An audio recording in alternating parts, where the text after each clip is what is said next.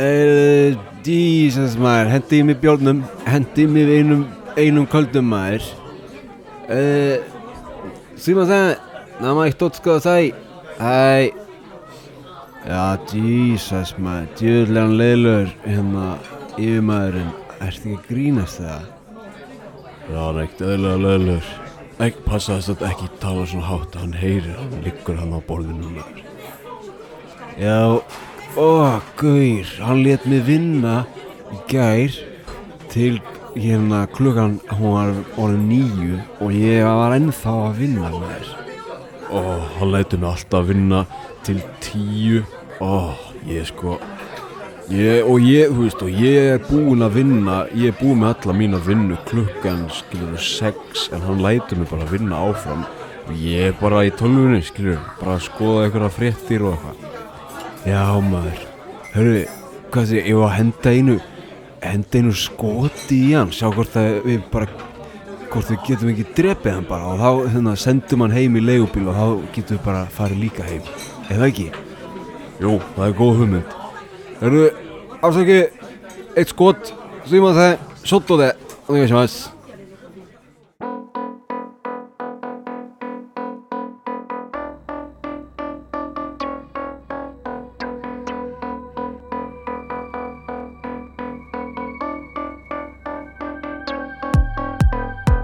Gott fólk, verið velkomin í þátt nummer 82, það er lífið í Tókjó, hér í hlaðarpinu heimsendir sem heilsar uh, frá Tókjó, eðlilega, og í þessum þætti ætla ég að fjalla um japanska drikkjumenningu.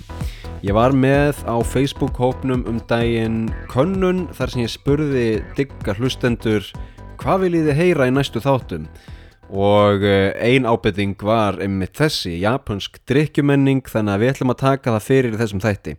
Og ég minna á það, ef að þið eru með aðrar hugmyndir, mér langar að heyra þetta mér langar að heyra hitt, þá má endilega senda það á mig eða kommenta á Facebook eða Instagram. Þið vitið, you know the drill.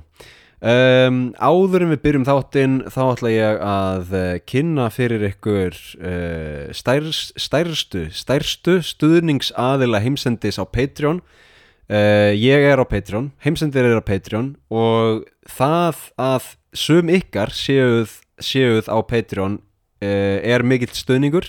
Stærstu stuðningsaðilar í Patreon uh, eru engir aðrir en Þorgir Pálsson, Óskar Kemp og Discover True North öll með 30 dólara á mánuði. Takk fyrir það, gefum þeim gott klapp Uh, svo eru aðrir mjög hérna, góðir stuðningsaðilar líka. Um, og við erum 17 talsins á Patreon akkurat núna sem þýðir að það vantar bara þrjá áskrifendur á Patreon fyrir næstu áskorun sem er að fasta í 5 daga. Takk fyrir sem sagt, uh, ef að þú kæri hlustandi ert ekki búin að skráða þig á Patreon faru þá á Patreon akkurat núna skráðu þig og svo gera uh, tveir aðrir það líka og þá ætla ég að fasta í fimm daga. Uh, let's go, let's go bara beint á Patreon, ekkert raugl kostar ekki neitt, ódýrasta áskriftarlegin er 700 krónur á mánuði sem er ódýrara en cappuccino. Þið veitir, þannig að þetta er hérna, Patreon auglýsingin í hlaðarpinu ok, þá er það frá og við ætlum að byrja þáttinn. Um, sko, drikkjumenning í Japan þetta er e, skemmtilegt topic og þetta er svona mjög sínulegt topic hérna í Japan e, sérstaklega eftir klukkan hvað, sjö á kvöldin. E, áfengi er allstaðar í Japan og það er bara staðan. Sko, ég náttúrulega hef búið í Tókjó, ég hef búið í Sapporo og þetta eru tvær stórborgir. Uh, ég hef ekki búið út í sveit í Japan en ég hef alveg ferðast um sveitir og, og fólk drekkur þar alveg líka. Uh, svona long story short þá drekka mjög margir í Japan og margir drekka líka mjög mikið í Japan. En við ætlum aðeins að krifja þetta nánar við ætlum að fara í gegnum ákveðin spurningalista sem ég skrifaði sjálfur. Og við ætlum að byrja á spurningunni hvenær byrja ungmenni að drekka í Japan.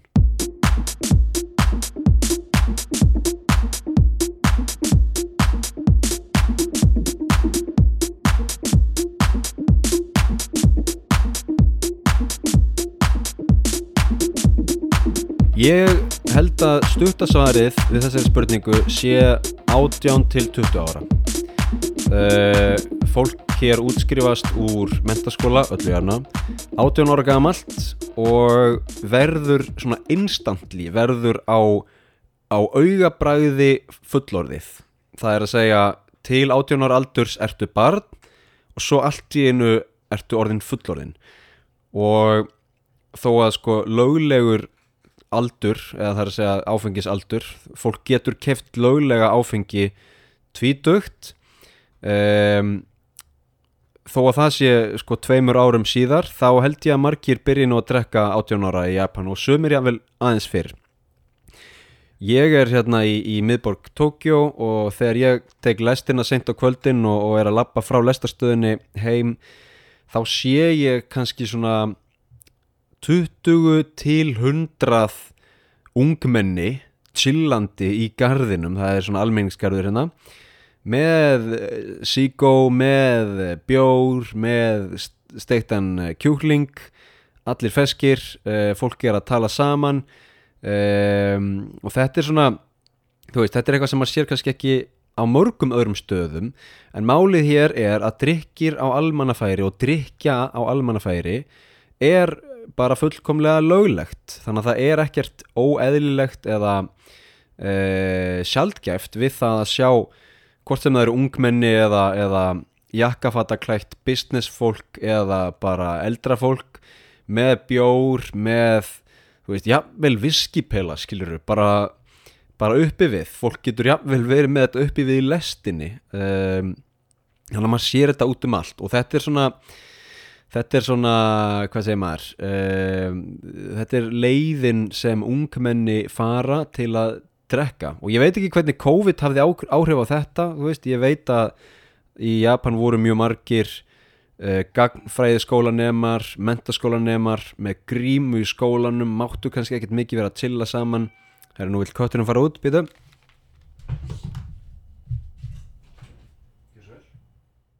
fólk mátti kannski ekkert vera að chilla mikið saman í skólanum þannig að þá er leiðin kannski að, að hýtast um kvöldi fá sér steiktan kjúkling, bjór og uh, jável síkaretu ef að svo ber undir. Um, og leiðin fyrir ungmenn að gera þetta er að kaupa bjór eða kóttel eða veist, vín eða whatever í 7-Eleven, í Kombini Kombini er sem sagt þessir þessi convenience store stitt í kombini convenience store um, og þessi, þessar smá verslanir eins og 7-Eleven og, og, og Lawson og Family Mart og svona þær eru opnar allan sólarhingin þær selja ódýrt áfengi bjór, segjum að 500 millilitrar af bjór kosti kannski 250 krónur. Um, þú veist, vínflaska kosti kannski 1000 kall viskiflaska kostar kannski 1500 kall veist, þetta er allt mjög ódýrt, mjög aðgengilegt og e, þá spyr maður ok, en, en krakkar að kaupa þetta þurfa það ekki að sína skilriki nei, það nefnilega er ekki staðan í Japan. Það sem þau þurfa að gera er að íta á takka á skjá sem segir staðfestu að þú sért orðin uh, tvítur og fólk bara ítir og sko manneskjan afgreyslu af, af, hérna, af, afgreðslu starfsfólkið í þessu, þessum búðum þau eru ekki að segja má þessu skilur ekki? Eða hvað hva ertu gammal, hvað ertu gömul? Orðin, ertu ekki orðin tvítur þau eru ekki að segja það. Þau eru bara að segja ítt á takan. Hérna ítt á takan. Veist, þannig að þannig að þetta er mjög öðvelt ég menna nema fólk sé kannski 12 ára eða eitthvað en allavegna er þetta mjög öðvelt Ég hugsa að ungmenn að drikja í Japan sinu samt ekkert eitthvað mikið vandamál. Uh, flest eru uh, hérna krakkanir hérna mjög stilt og prúð og, og allt það. Um, en maður sér þetta samt það eru svona uh, og fólki sem ég er að sjá í garðinum veist það er ekkert endilega 18 ára skilur það getur alveg verið að það sé bara 22 ára. En þetta er allavega ungt fólk sem, sem vil greinilega ekki vera að chilla heima hjá sér það er að segja veist, drekka heima hjá sér eins og við Íslendingar gerum. Um, heldur koma þau í almenningsgarðin og það er ótrúlegt að sjá þú veist 200 manns saman í einhverjum almenningsgarði og engin laurugla þú veist. Logan mætir kannski og er svona hvað bara fylgjast með en þetta er allt voða svona uh, rólegt hérna. Um, svo er það svo kallaður Coming of Age Day. Uh, til hafmyggju þú ert orðin fullorinn einstaklingur dagurinn Seijin no Hi uh, og, og þá eru svona þá eru party oft haldinn sem heita Seijinski og uh, fólk klæðist upp í svona falleg hefðbundin japunsk föt, kimono og hvað annað.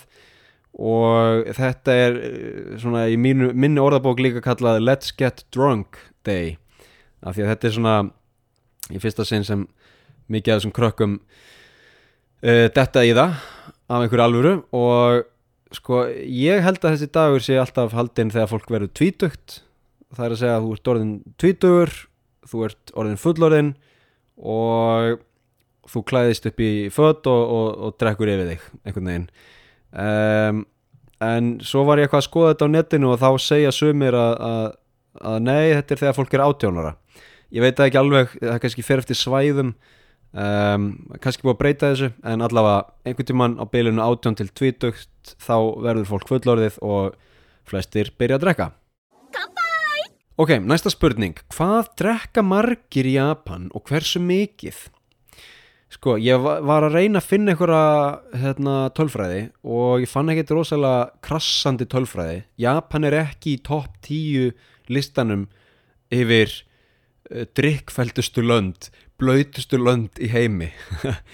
Nei, sko topplistin sem ég fann er, og við byrjum í fyrsta sæti, Lettland, Moldóva, Þískaland, Litáen, Írland, Spán, Úganda og fleiri lönd uh, og svo koma bara, þú veist, miklu fleiri lönd einhvern veginn.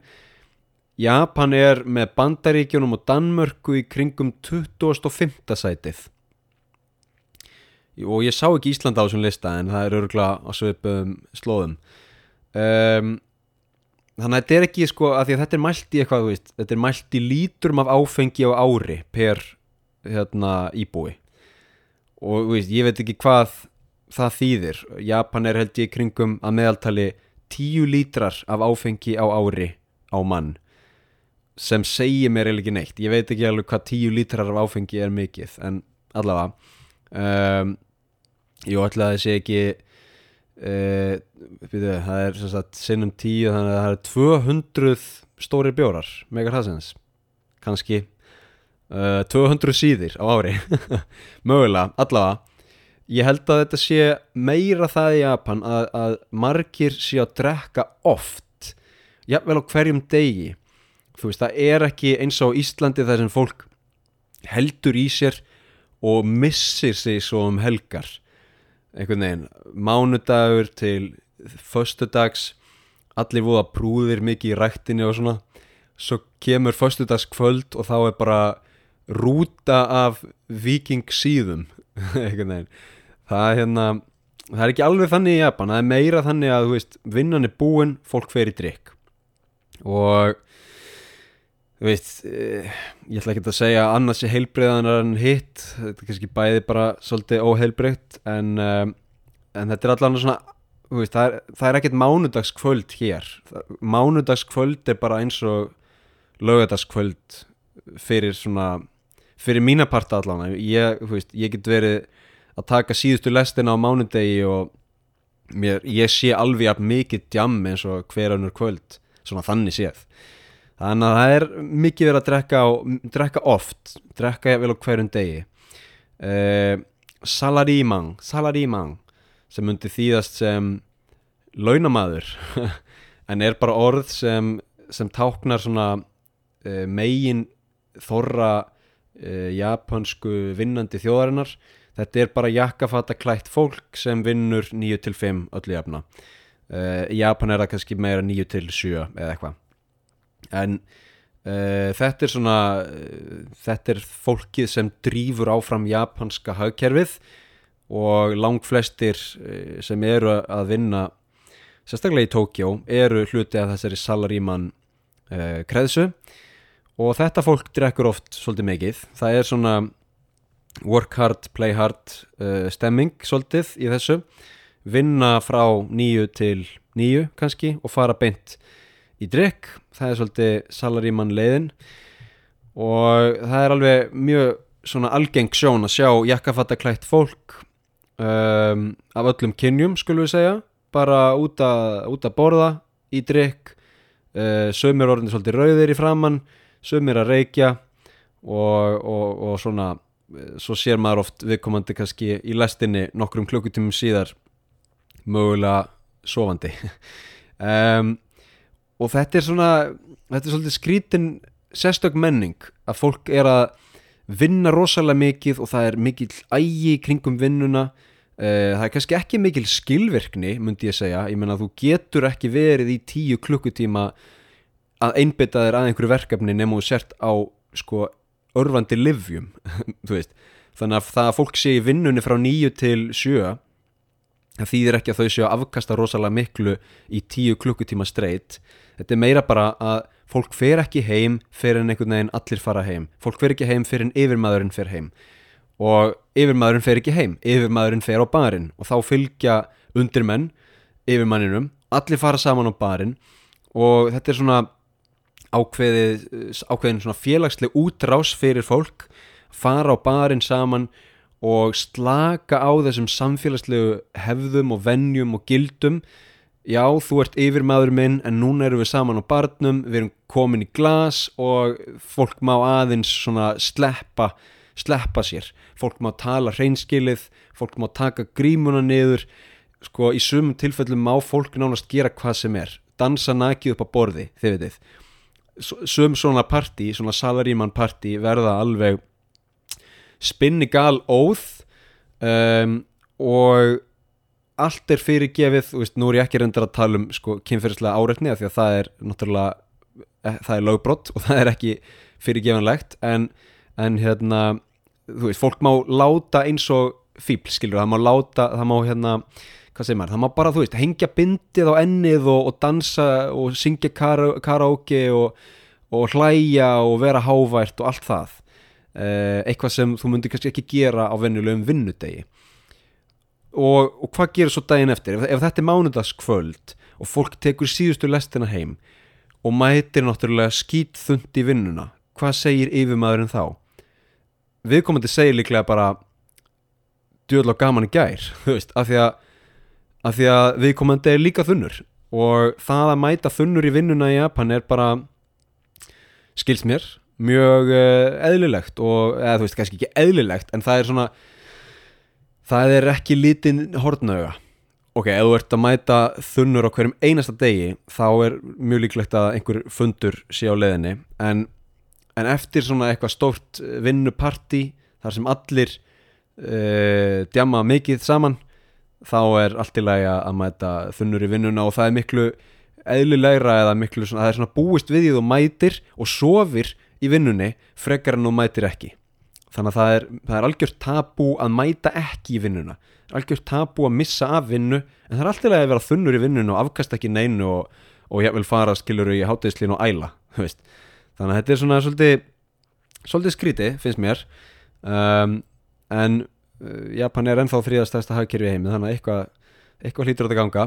Uh, sko það eru margir í Japan sem get ekki drukkið og, og en drekka samt um þriðjungur Japana vantar ákveðið enzím eh, sem brítur áfengi niður.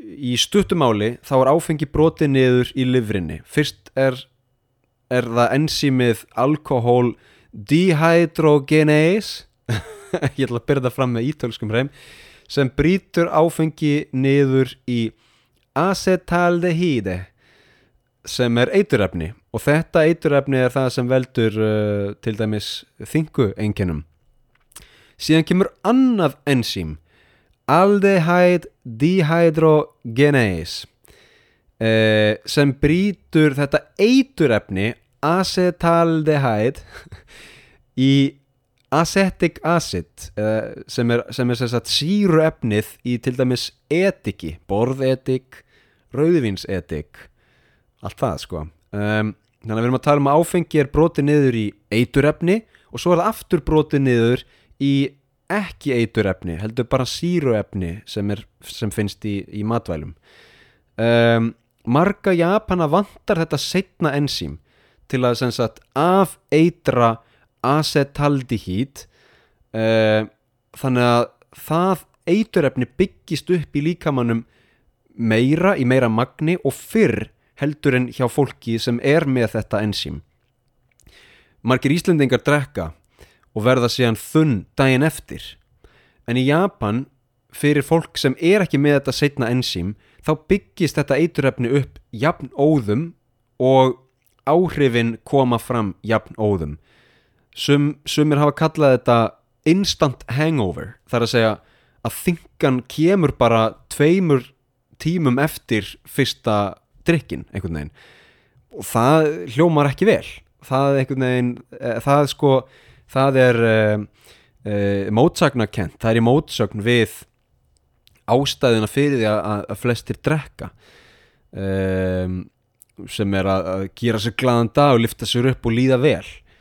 Sko þannig að það, það, það er algjörlega mótsagnakent og meikar engan sens. Og, og þá myndur maður hugsa ok, viðkomandi ætti ekki að drekka og, og, og það væri kannski bara sniðut að hætta að drekka en Japan er svo rosalegur félagslegur þrýstingur á að drekka og það sem ég teki eftir að því ég er nú oft í bara óanfingu það vantar algjörlega sko hinn valmöguleikan það er, bara, það er ekki inn í myndinni að drekka ekki.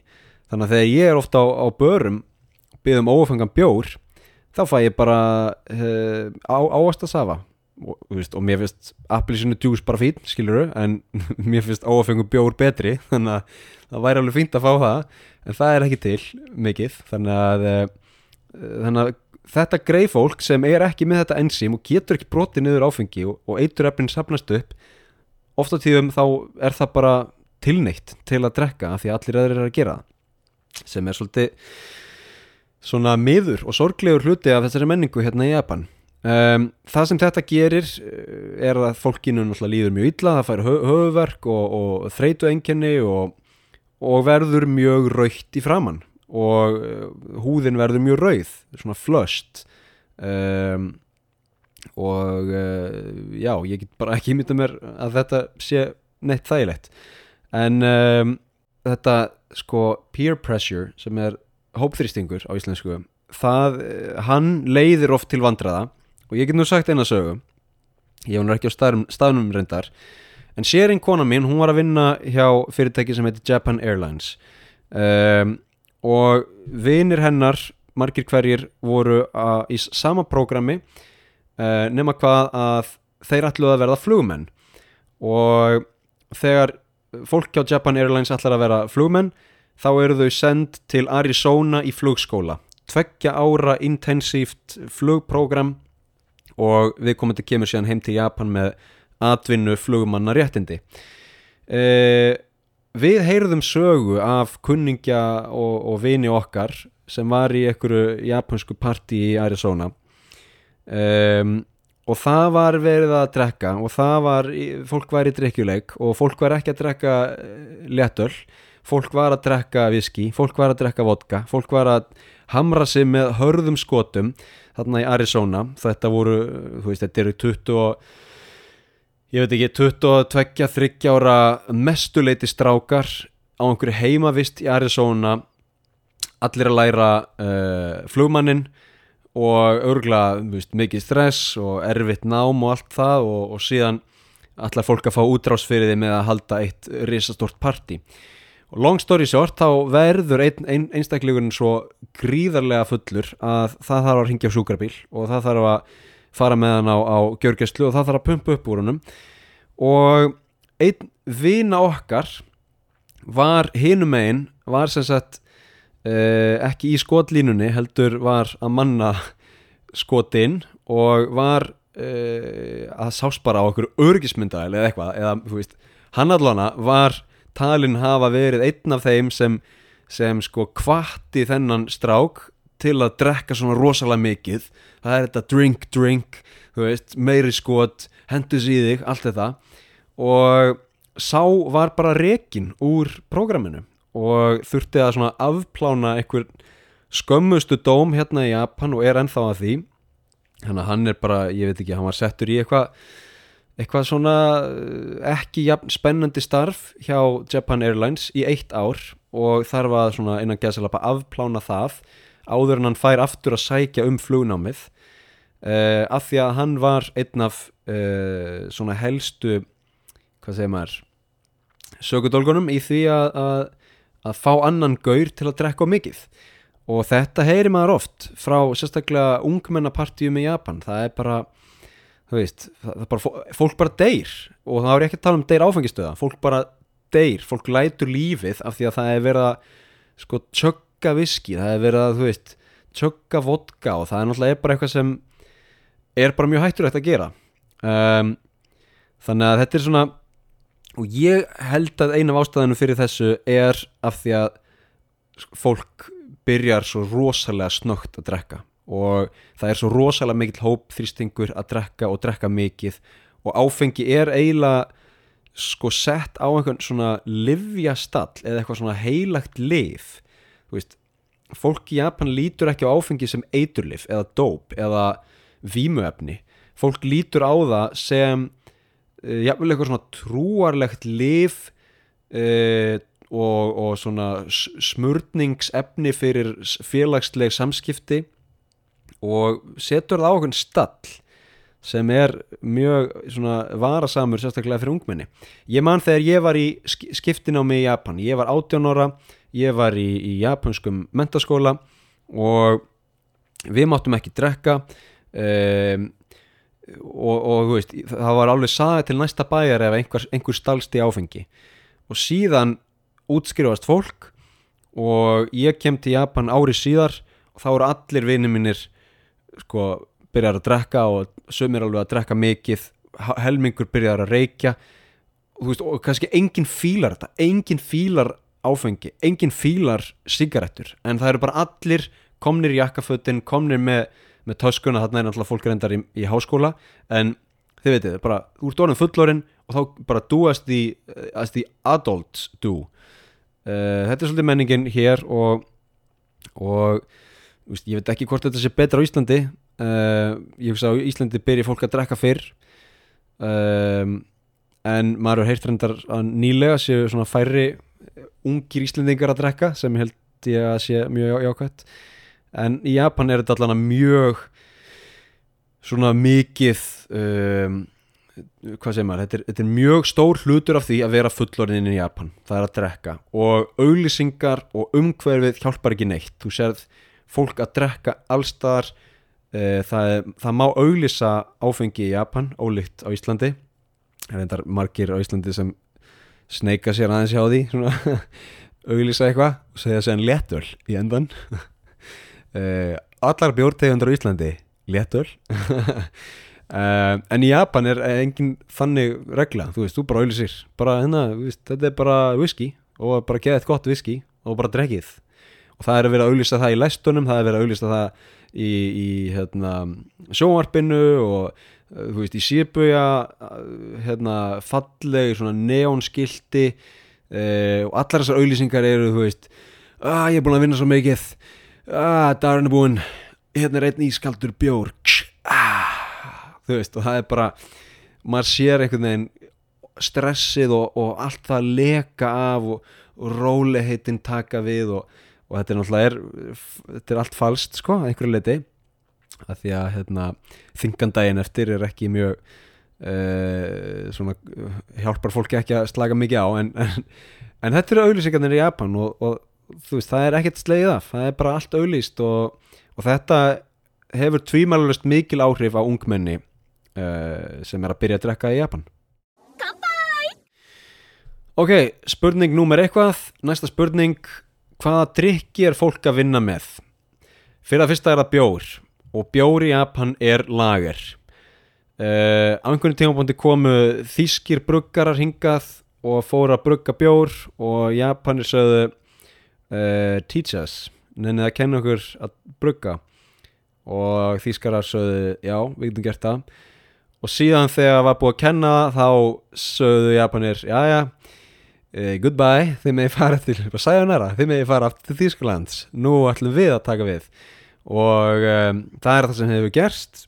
Í, núna eru langmest af bjóri í Japan er bruggaður í Japan af japanskum fyrirtækjum. Við erum að tala um Asahi við erum að tala um Ebisu við erum að tala um Sapporo við erum að tala um uh, Premium Malts um, uh, fleiri, fleiri bjórar þetta er allt svona uh, sameinlegur lager sko, það er ekkert rosalega mikill munur á þessu. Kirin, Kirin Ichiban uh, skemmtilegur bjór en þetta er allt svona bara léttur lager mjög svona rennur mjúglega lin, mjúglega linur Re, rennur mjúglega niður uh, og kemur úr vel þrifinni dælu með góðum haus japansku bjór er þekktu fyrir það að koma oft í svona stóru gler stóri gler krús jafnvel kældri með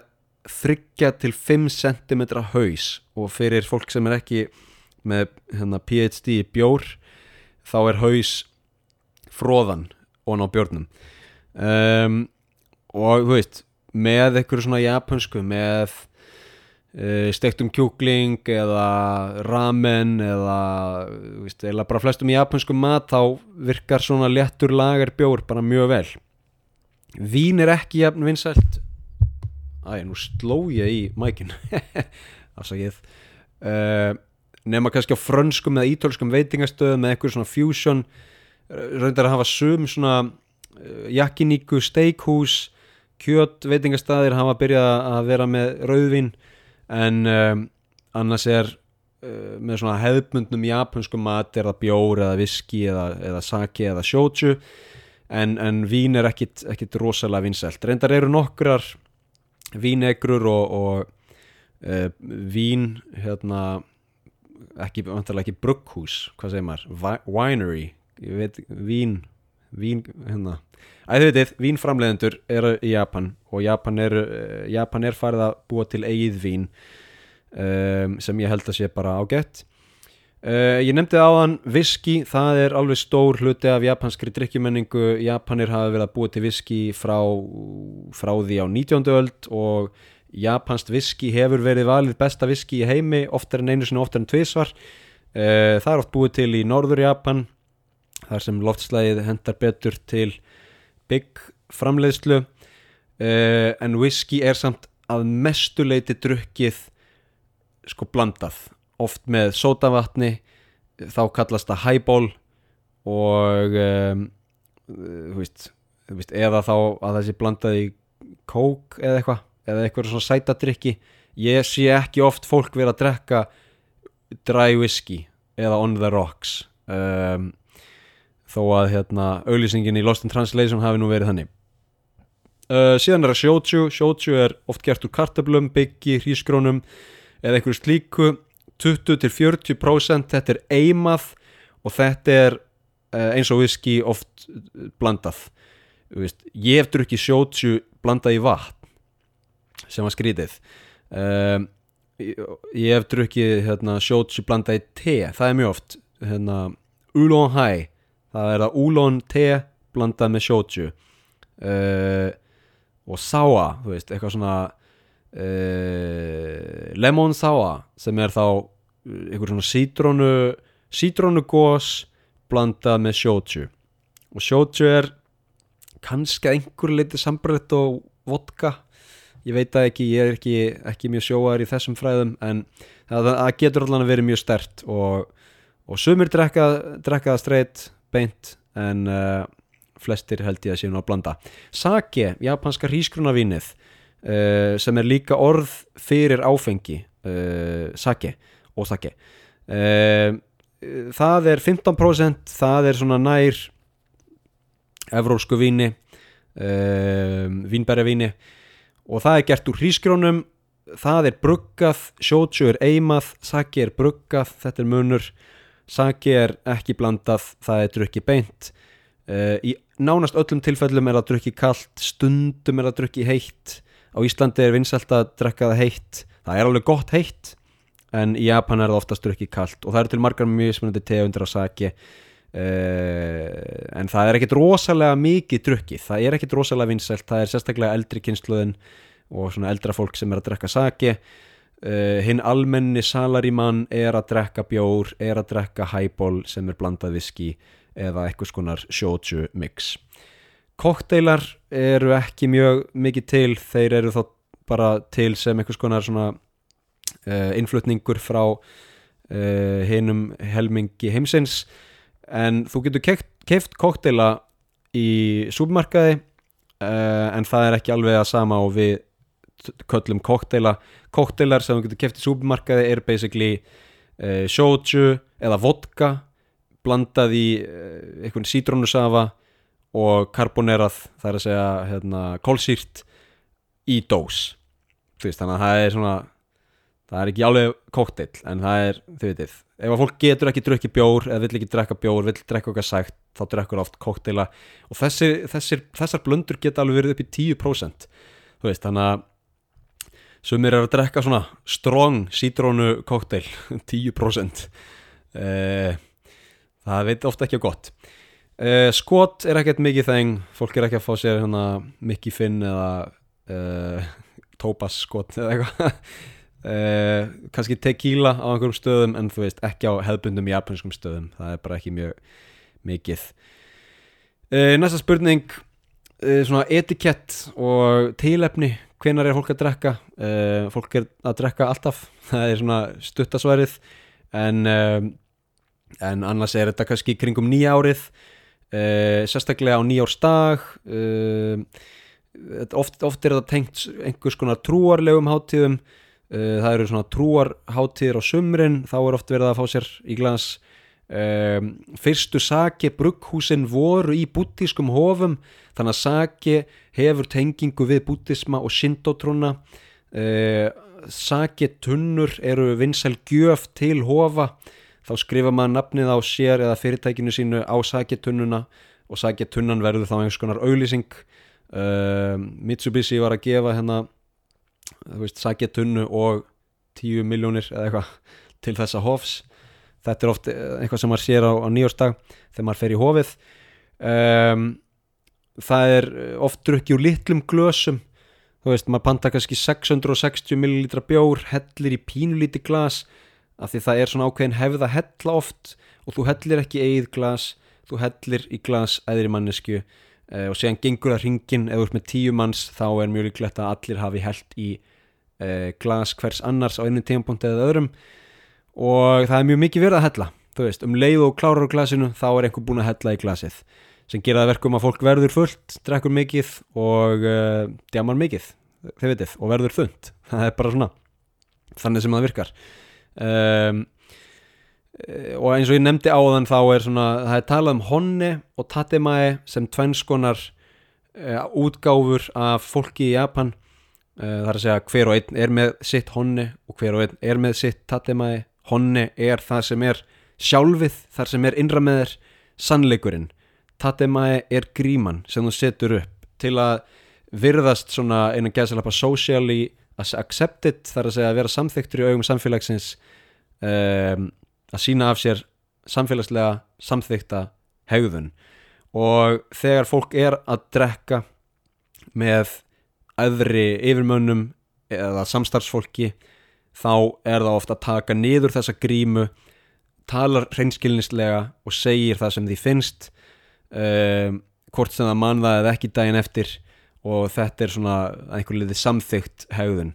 Þannig að það er allt mjög strikt reglufast, ægi uh, og þú segir ekki hvað sem er uh, um daginn en svo þegar áfengi er komið í myndina um kvöldið þá er fólk farið að segja alls konar stöf og þetta er svona in, vi- in vino veritas stemmingin sem margir þekkja.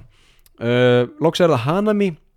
Hanami er svona cherry blossom picnic uh, það er að segja þegar kirsuberjin blómstra eða kirsuberja trén blómstra þá fer fólk í picnic lautarferð í almenningskarði og kemur með margar rútur af bjór.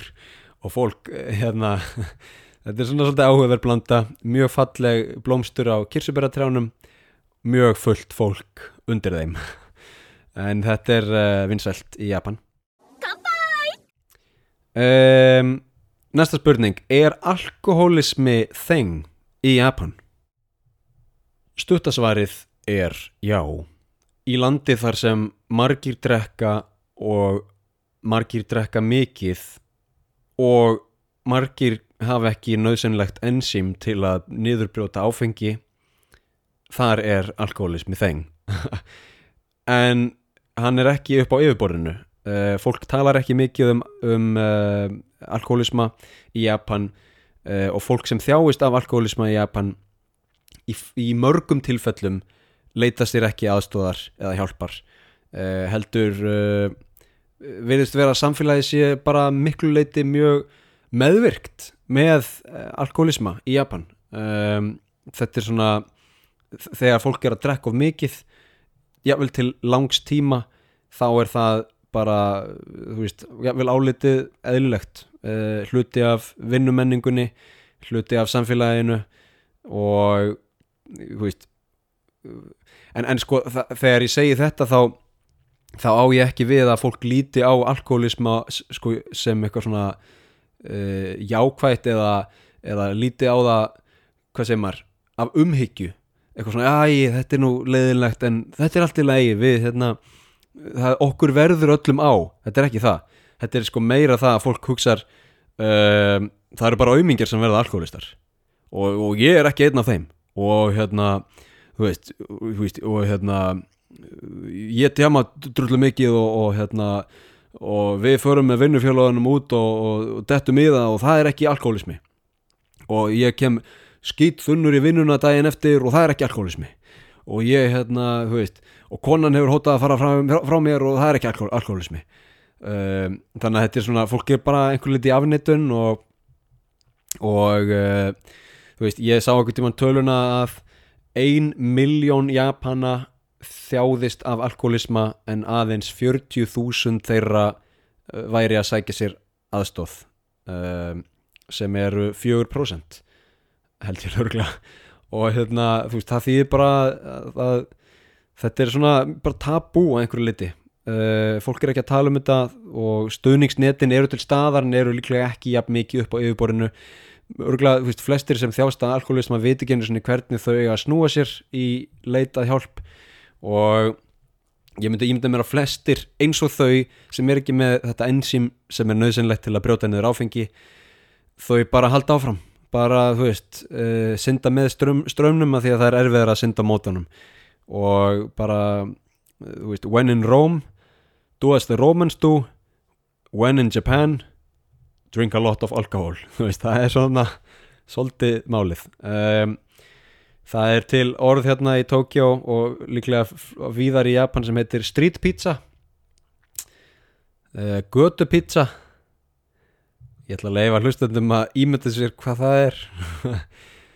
Uh, ef að fólk er búið að fatta það núna þá er það bara mjög gott en ég ætla að gefa svarið. Þetta er þegar fólk er búið að kasta upp heitli ramen máltíð eða einhverju öðru uh, sjörætta máltíð jável á göduna uh, og þetta er bara eitthvað sem maður sér á hverju einasta kvöldi þegar maður er sko í miðbæ Tókjó eftir ég veit ekki, nýju, tíu kannski.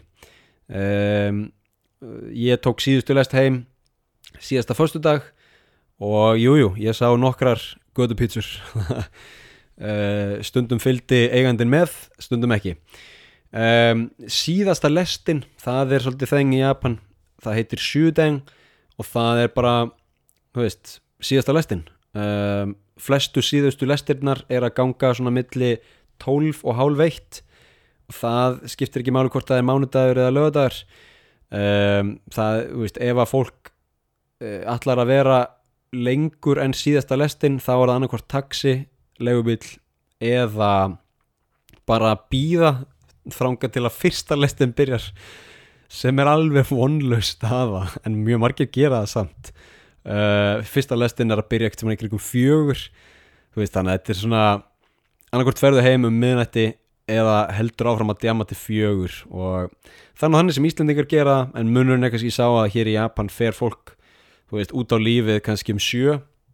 Þannig að það ætlar að vera að djama til fjögur þá er það nýju klukkutímar uh, sem er bara fake no um, en sko síðasta lestin í Japan er eitthvað, er svona upplifin sem ég mæla ekkit rosalega mikið með. Hún er alltaf stöppuð af fólki. Uh, annar hver maður er fullur eða dauður eða sofandi. Og þú veist að sjá sérstaklega jakkafattaklætt fólk uh, búið að drekka yfir sig og bara dögt í lestinni er ekkert mjög selgeft sko. Um, það, ég tók lestin hann að síðasta fyrsta og ég var alveg í kremju í miðri lestin að reyna að halda mér í og það sem ég tók eftir var að hérna, lestarstjórin er með miklu hávarari tilkynningar en, en ella. Viðkomandi er að kalla uh, passið ykkur, ég er að fara að loka hurðinni. Takið hendunar inn, ekki skilja hendina eftir fyrir utan hurðina.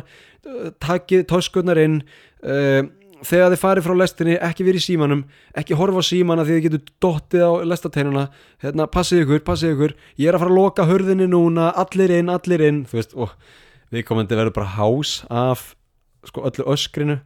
En þetta er svona það, þegar fólk er hérna með hálfa eða enga rænu þá þarf svolítið að brína nöðsynlegar leiðbynningar fyrir þeim og þú veist ég get alveg ímdið mér það sumir síðan detta á lestateinuna og, og hérna God forbid lendi ykkur um slísum um, þetta er svona síðasta lestin í Japan er skröðleg og maður hefur séð ímislegt um borði henni. Um, já, ég held að það sé nú bara svona nokkuð góður endapunktur á þessa umröðu drikkjumenning í Japan. Um, endum þetta kannski á jákvæðum nótum þú veist það eru ótrúlega margir skemmtilegir barir í Japan. Pínulitlir staðir þar sem maður getur gefið sig á tal við barþjónin eða eigendurna. Um, það er allt mjög heimilslegt og, og, og næs og um, þú veist svona litlar bullur þar sem kannski 5-10 manns komast inn. Og þegar maður setur það þröngt þá er eðlilegt að spjalla við næsta mann uh, oft er bara fólk skilur kannski einhverju sem þekkist ekki neitt en er samt bara farið að djamma en að gesa lappa saman af því að það hitti hvort annað á einhvern svona pínlullum bar. Og það er skemmtileg menning veist, þetta er svona community, þetta er samfélagslegt. Um, ég skil vel að fólk vilji fá útrás eftir erfiða vinnudaga.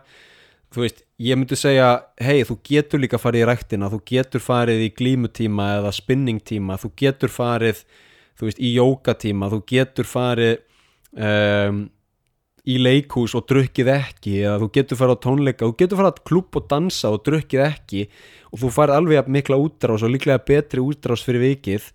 En þú veist maður getur ekki breytt sko 125 miljón manna þjóð á einu bretti og enda alltaf ég ekki að gera það ég er engin messias sko. Um, en, en þetta er svona þetta er bara mjög stór hluti af japanskri menningu um, og fleiri jákvæðir punktar við japanska drikkjumenningu þú veist, þó að fólk verði mjög drukkið hérna, þá er algjörlega, sko heyrir það til undantekninga að fólk verði eitthvað aggressíft eða ofbeldisfullt.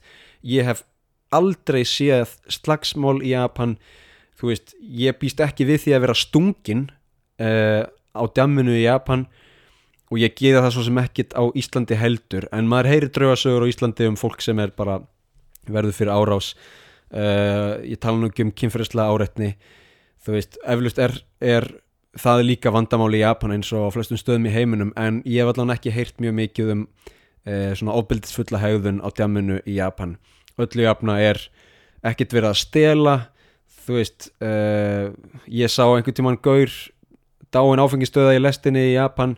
Hann var búin að missa síman út á gólfið skiluru og enginn tók síman uh, ég, veist, ég bara skútsaði símanum í átt aðunum um, og þetta er svona þetta er, þannig, þetta er örugt og, og hérna lögreglan er víst til að veist, aðstóða fólk sem drekkur of mikið í staði þess að handtaka það eða berja það veist, eins og kannski í sumlundum þannig að þetta er svona, það er einhverju jákæði punktar í þessu og, og, og um, öllu jafna ef, veist, ef þetta er gert, gert í hófi þá er bara flest allt gott í hófi eins og maður segir. Um, en, en eins og ég hef fjallað um þá eru líka neikvæðar hliðar. Uh, fyrir fólk sem ætlar að koma til Japan þá er þetta alveg menningar kimi sem verður að skoða. Þessir litlu barir sérstaklega og gefa sér á tal við japansk fólk. Ef mann langar að kynnast japansku fólki þá er þetta svona einn af þeim vettvöngum þar sem það er talið eðlilegt að gefa sér á fólk við nei, gefa sér á fólk, gefa sér á tal við ókunnögt fólk. Um, uh, sérstaklega á þessum litlu höfbundu börum. Látum það gott heita japansk drikkjumenning, nú förum við í fastan dagskrálið japansku hornið.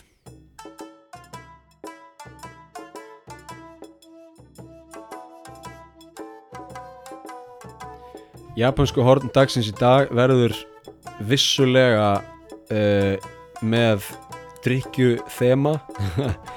Tökum fyrir nokkur orð sem koma við uh, í, í drikkjumenningu Japans. Fyrst er það Nomikai.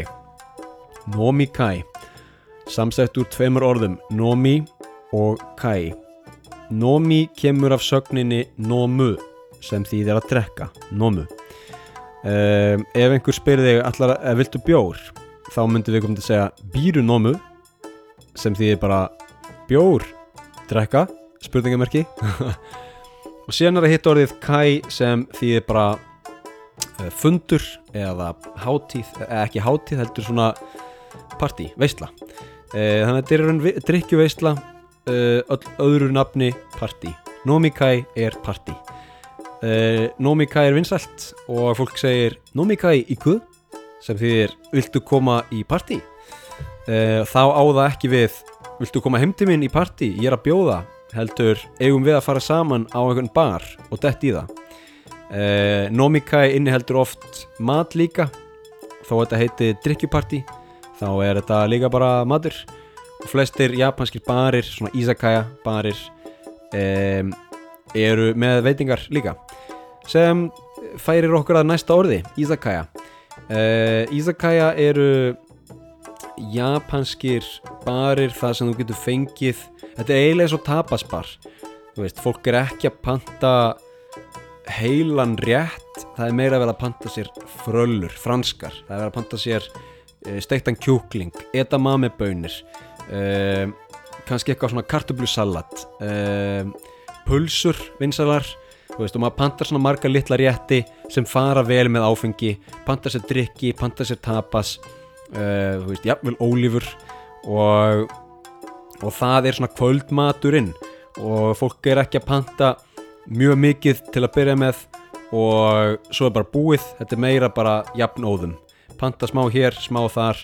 Og síðasta matarpönturinn er alveg kannski klukkan tíu eða hálf ellu um kvöldið. Um, eftir svona nomikai sérstaklega á fólk er mjög lengi að þá er ofta vinsalt að fara á ramen stað fá sér ramen. Uh, sumir halda að það komi veg fyrir þingum ég veit maður ekki alveg með það en, en hérna en ramen er hins vegar mjög gott eftir svona langt kvöld. Uh, Nomi Hodai. Það er sama á síðast Nomi, drikja Hodai er, er bara, þýðir bara eh, sko, eins mikið og þú vilt. Uh, og, og þannig að það, þetta er basically all you can drink. Uh, þetta er vinsalt í Japan og þetta er sérstaklega auglýst ef maður er að lappa um svona partykverfin í Japan. Um, á svona hvað segir maður partíkvöldum skulum við segja eftir klukkan 8 þá er oft verið að kalla Nomi Hodai eh, Nijikande Sanzen sem þýðir bara tveir klukkutímar all you can drink 3000 yen. Og það þýðir ekki að þú getur farið og pantað hérna dýrasta viskið það er eitthvað svona ákveðin menju en það þýðir ofta að þú getur pantað bjór, vín einhverja kokteila kannski og kannski ódýrt viski eða eitthvað. Um, all you can drink á hérna, þreymur klukkutímum. Og sko margir íslendingar og margir svona erlendu bergi brotni hérna brotni sem koma til, Ísl, nei, koma til Japan og sjá svona auðlýsingu taka því sem áskorun. Já, all you can drink á tveimur klukkutímum. Uh, challenge accepted. Og fólk fer oft fram úr sér í þeim málum. Uh, þegar Japanir fara á Nomi Hodai þá er fólk ekki að panta sko uh, núna, þess að bjórin og svo næsta bjór. Og næsta bjór þar á eftir allt á sama tíma. Nei nei það veist að panta bara drikk, drekkur hann, panta síðan næsta drikk en uh, ég hef alveg séð hérna, þegar við Íslendingar erum að gera okkur glæðan dag þá er oft pantað sko kannski tveir bjórar í einu á mann. Uh, sem er svona uh, ávísun á eitthvað eitthvað kvöld. Um, Nominication Nominication er sko blanda af orðinu nomi, drikja og communication, samskipti tekið úr ennsku sem þýðir bara drikkjusamskipti og þetta er svona það sem ég var að tala um áðan. Þegar gríman er tekið niður þá fer fólk að tala mjög hreinskilnislega það er svona ákveðið nominication og mikið af japansku fólki lítur á þetta sem mjög nöðsynlegan hluta af uh, samskiptum. Uh, við ætlum að færa vináttu okkar upp á næsta level tökum smá nominication hérna í kvöld. Um, Nomitsugi uh, Sugi kemur af sögninni Sugiru sem þýðir að fara fram úr eða fara fram úr sér um, sem þýðir bara að drekka mikið. Nomitsugi uh, Nomitsugi þannig búin að drekka of mikið gamli, farðu heim. Uh, Nijikai er bara eftirparti. Það þýðir raun uh, parti nummer 2 veistla nummer 2 en og þú veist sem þýðir að þú getur tæknilega sé verið með Sanjikai sem er þá veistla nummer 3 en oft er bara tala um við ætlum að hittast þessum stað, við ætlum að vera hér í 2-3 tíma. Uh, ef að fara heim eða ef að fara í Nijikai og oftast er svarið förum í Nijikai sem er bara eftirparti sem er þá ekki heima hjá okkurum eins og Íslandi heldur á öðrum stað Þetta er uh, nokkur af uh, vinsælum uh, orðum sem notast í japanskri drikkjumenningu. Eins og ég nefndi áðan þá er sake, það er orð fyrir japansk hrísgrónavín en líka orð fyrir áfengi. Þannig að bjór er tæknilega séð uh, sake. Uh, ef, þú- spyrði eitthvað, drekkur áfengi, þá myndur þú segja sake nomu, uh, sem er eins og við tölum um í byrjun bírunómu. Þetta er svona japansku hornið. Næst förum við í nokkra punkta.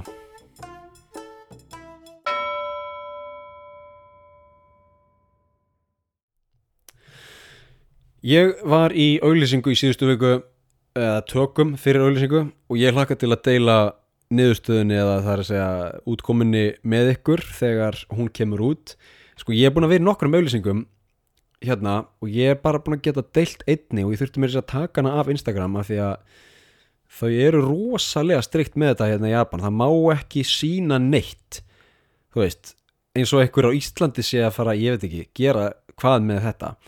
En um, ég droppa kannski einhverju inn á Patreon eða allavega hérna, Instagram uh, þegar þetta kemur út. Ég var semst í auðlýsingu fyrir heyrnatæki heyrnatæki það sem getur líka að spila tónlist.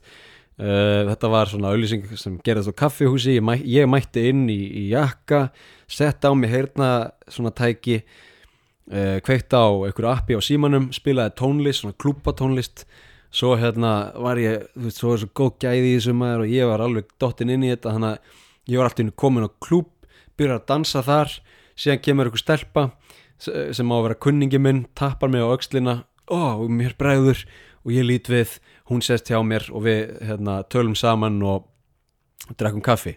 Þetta er svona basically auðlýsingin um, nema hvað að það er eitt skot í auðlýsingunni sem sýnir þegar ég er að setja heyrnatækin í eirun og það er 20 í þessu. Sko fyrir að fyrsta ég er með skrítin eiru þau eru bæði mjög lítil og þau eru líka misstór. Þannig að vinstri vinstra eirað er minna heldur en hitt sem þýðir að eiginlega engin svona hérna ear, ear, earphones eða ear, earbuds eða hvað það heitir svona engin hérna heyrnatól virka fyrir mig. Þess vegna nota ég svona yfir eira heyrnatól um, þetta var vesen af því að þau voru alltaf að detta út í tökum sérstaklega vinstra eira því að það er minna. Síðan uh, vildu við taka close-up af því þegar ég setti hérna tækið í eirun og þá kom í ljós bara að eirun mín er ekkit, ekkit rosalega hrein. Um, sko eiru flestra er ekkit rosalega hrein en málið er að við vorum með sko einhverja svakalega aðdráttar linsu. Uh, það var verið að taka upp í sko Uh, ekki 4K heldur bara sko 4TK eða eitthvað. Það var sko og gaurinn sá bara inn í heila. Og uh, long story short þá var þá fóru svona góða tíu mínútur í að þrýr japanski starfsmenn voru að reynsa á mér eirað um, ég gæti nú bara að hleyja þessu af því að ég er svona léttur léttur náungi. En uh, mörgum hefur kannski fundið, fundist þetta smá óþægilegt að vera með basically sjónauka í eiranu uh, en vonandi kemur eirað bara nokkur hreint út í, í loka út komunni þegar auðlýsing kemur út um, þetta var mjög skemmtilegt og ég, mér finnst alltaf gaman að leika í svona japanskum auðlýsingum um, en oftur, ég sín ykkur þetta þegar þetta kemur út. Uh, síðan eru tveir svona stötipunktar eftir. Ég þarf að fara að fá mér hátismat um, endur nýja dvalarleifi ég kom með eitt ári viðbót hérna í Japan, ég sótt um þrjú ári viðbót en fekk bara eitt. Ég er náttúrulega með sko uh, ekki brúðköpsvísa heldur uh, hvað heitir það, magaleifi magaleifi Maga, magalúf á spáni. Nei, magaleifi, ég er, semst, ég er magi japansks uh, ríkisborgara sem þýðir að það er frekar auðvelt fyrir mig að fá dvalarleifi um, en greinlega bara eitt ári í senn. Ég þurfti að býða á útlendinga uh, skrifstofunni, hvað heitir það? Útlendinga eftirlitið ég veit það ekki um, ég ætla að fóra á Immigration Office í Japan í Tokyo. Og ég tók númer og ég, ætla, ég var bara að sækja sko skýrtinnið af því að það var búið að fara yfir öll gögnin og það var búið að gefa út dvalarlefi ég þurfti bara að fá skýrtinnið eh, ég tók miða og ég var nummer 250 nei, fyrir ekki, ég var nummer 564 en þegar ég tók miða þá var numeri 250 í gangi. Og ég hugsaði já, hérna það, þau eru greinlega bara veist, að stökka það er 250, síðan kemur 900 síðan kemur 400, síðan kemur 500 þannig að ég er kannski bara býðið 10 myndur ég beigð í þrjá að hálfa klukktíma um, þetta var þess að 250 síðan kom 251 síðan kom 252 síðan kom 253 og svo koll af kolli þannig til að kom 564 og ég gæti ekki farið neitt uh, og ég gæti alltaf sest af því að það, víst, það voru svona þúsund manns þarna inni uh, langfæst uh, í svona svipum erandagjörðum og ég, ég held að langflestir þarna hafi sko bara því miður verið hælisleitendur af því að, og ég segi því miður af því að Japan er ekki mjög samfunnu þýtt varðandi hælisleitendur og því miður munu flest þeirra að fá neitun, höfnun og munu bara fara heim eða sko heim, hvað er heim?